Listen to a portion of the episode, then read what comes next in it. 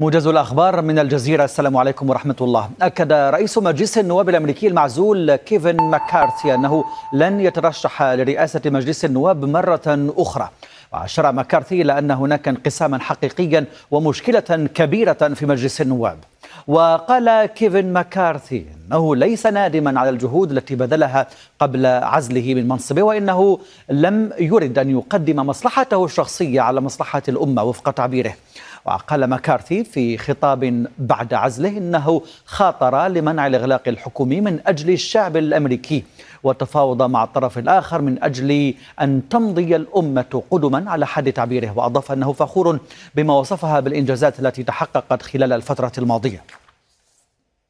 وكان مجلس النواب الأمريكي قد عزل رئيسه كيفن ماكارثي بأغلبية أصوات النواب الحاضرين في سابقة هي الأولى من نوعها في التاريخ الأمريكي. وقال النائب الجمهوري مات جيتس الذي اقترح أساسا عزل ماكارثي قال إن الرئيس السابق لمجلس النواب انتهك الاتفاقات التي عقدها مع عدد من نواب الحزب الجمهوري في يناير الماضي وإنه تسبب في شلل مجلس النواب على حد وصفه.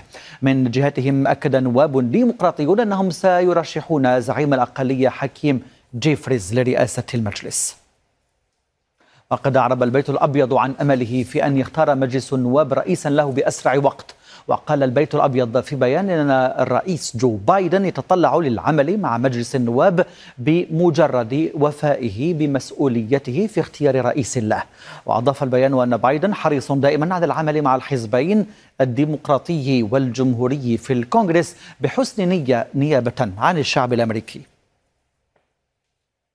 اقتحم نحو 800 مستوطن ومتطرف باحات المسجد الأقصى المبارك في رابع أيام عيد العرش اليهودي وسط حراسة أمنية مشددة.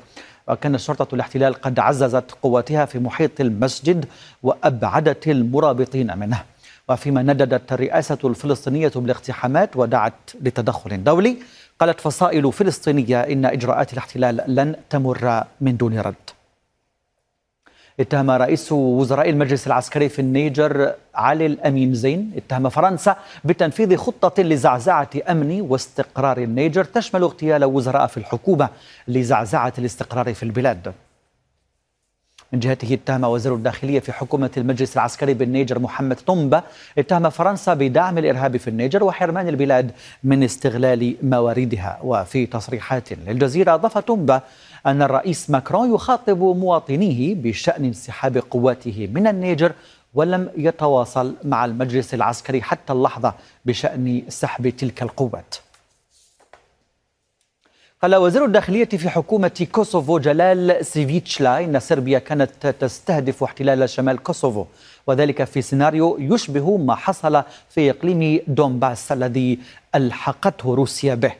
وفي تصريحات للجزيرة كشف الوزير أن صربيا كانت تدرب مجموعات لتنفيذ هجمات جديدة في الإقليم مطالبا بفرض عقوبات على حكومة بلغراد. من جهته قال الرئيس الصربي ألكسندر فوتشيتش إن مجموعة من صربي كوسوفو هم المسؤولون عن قتل شرطي في كوسوفو.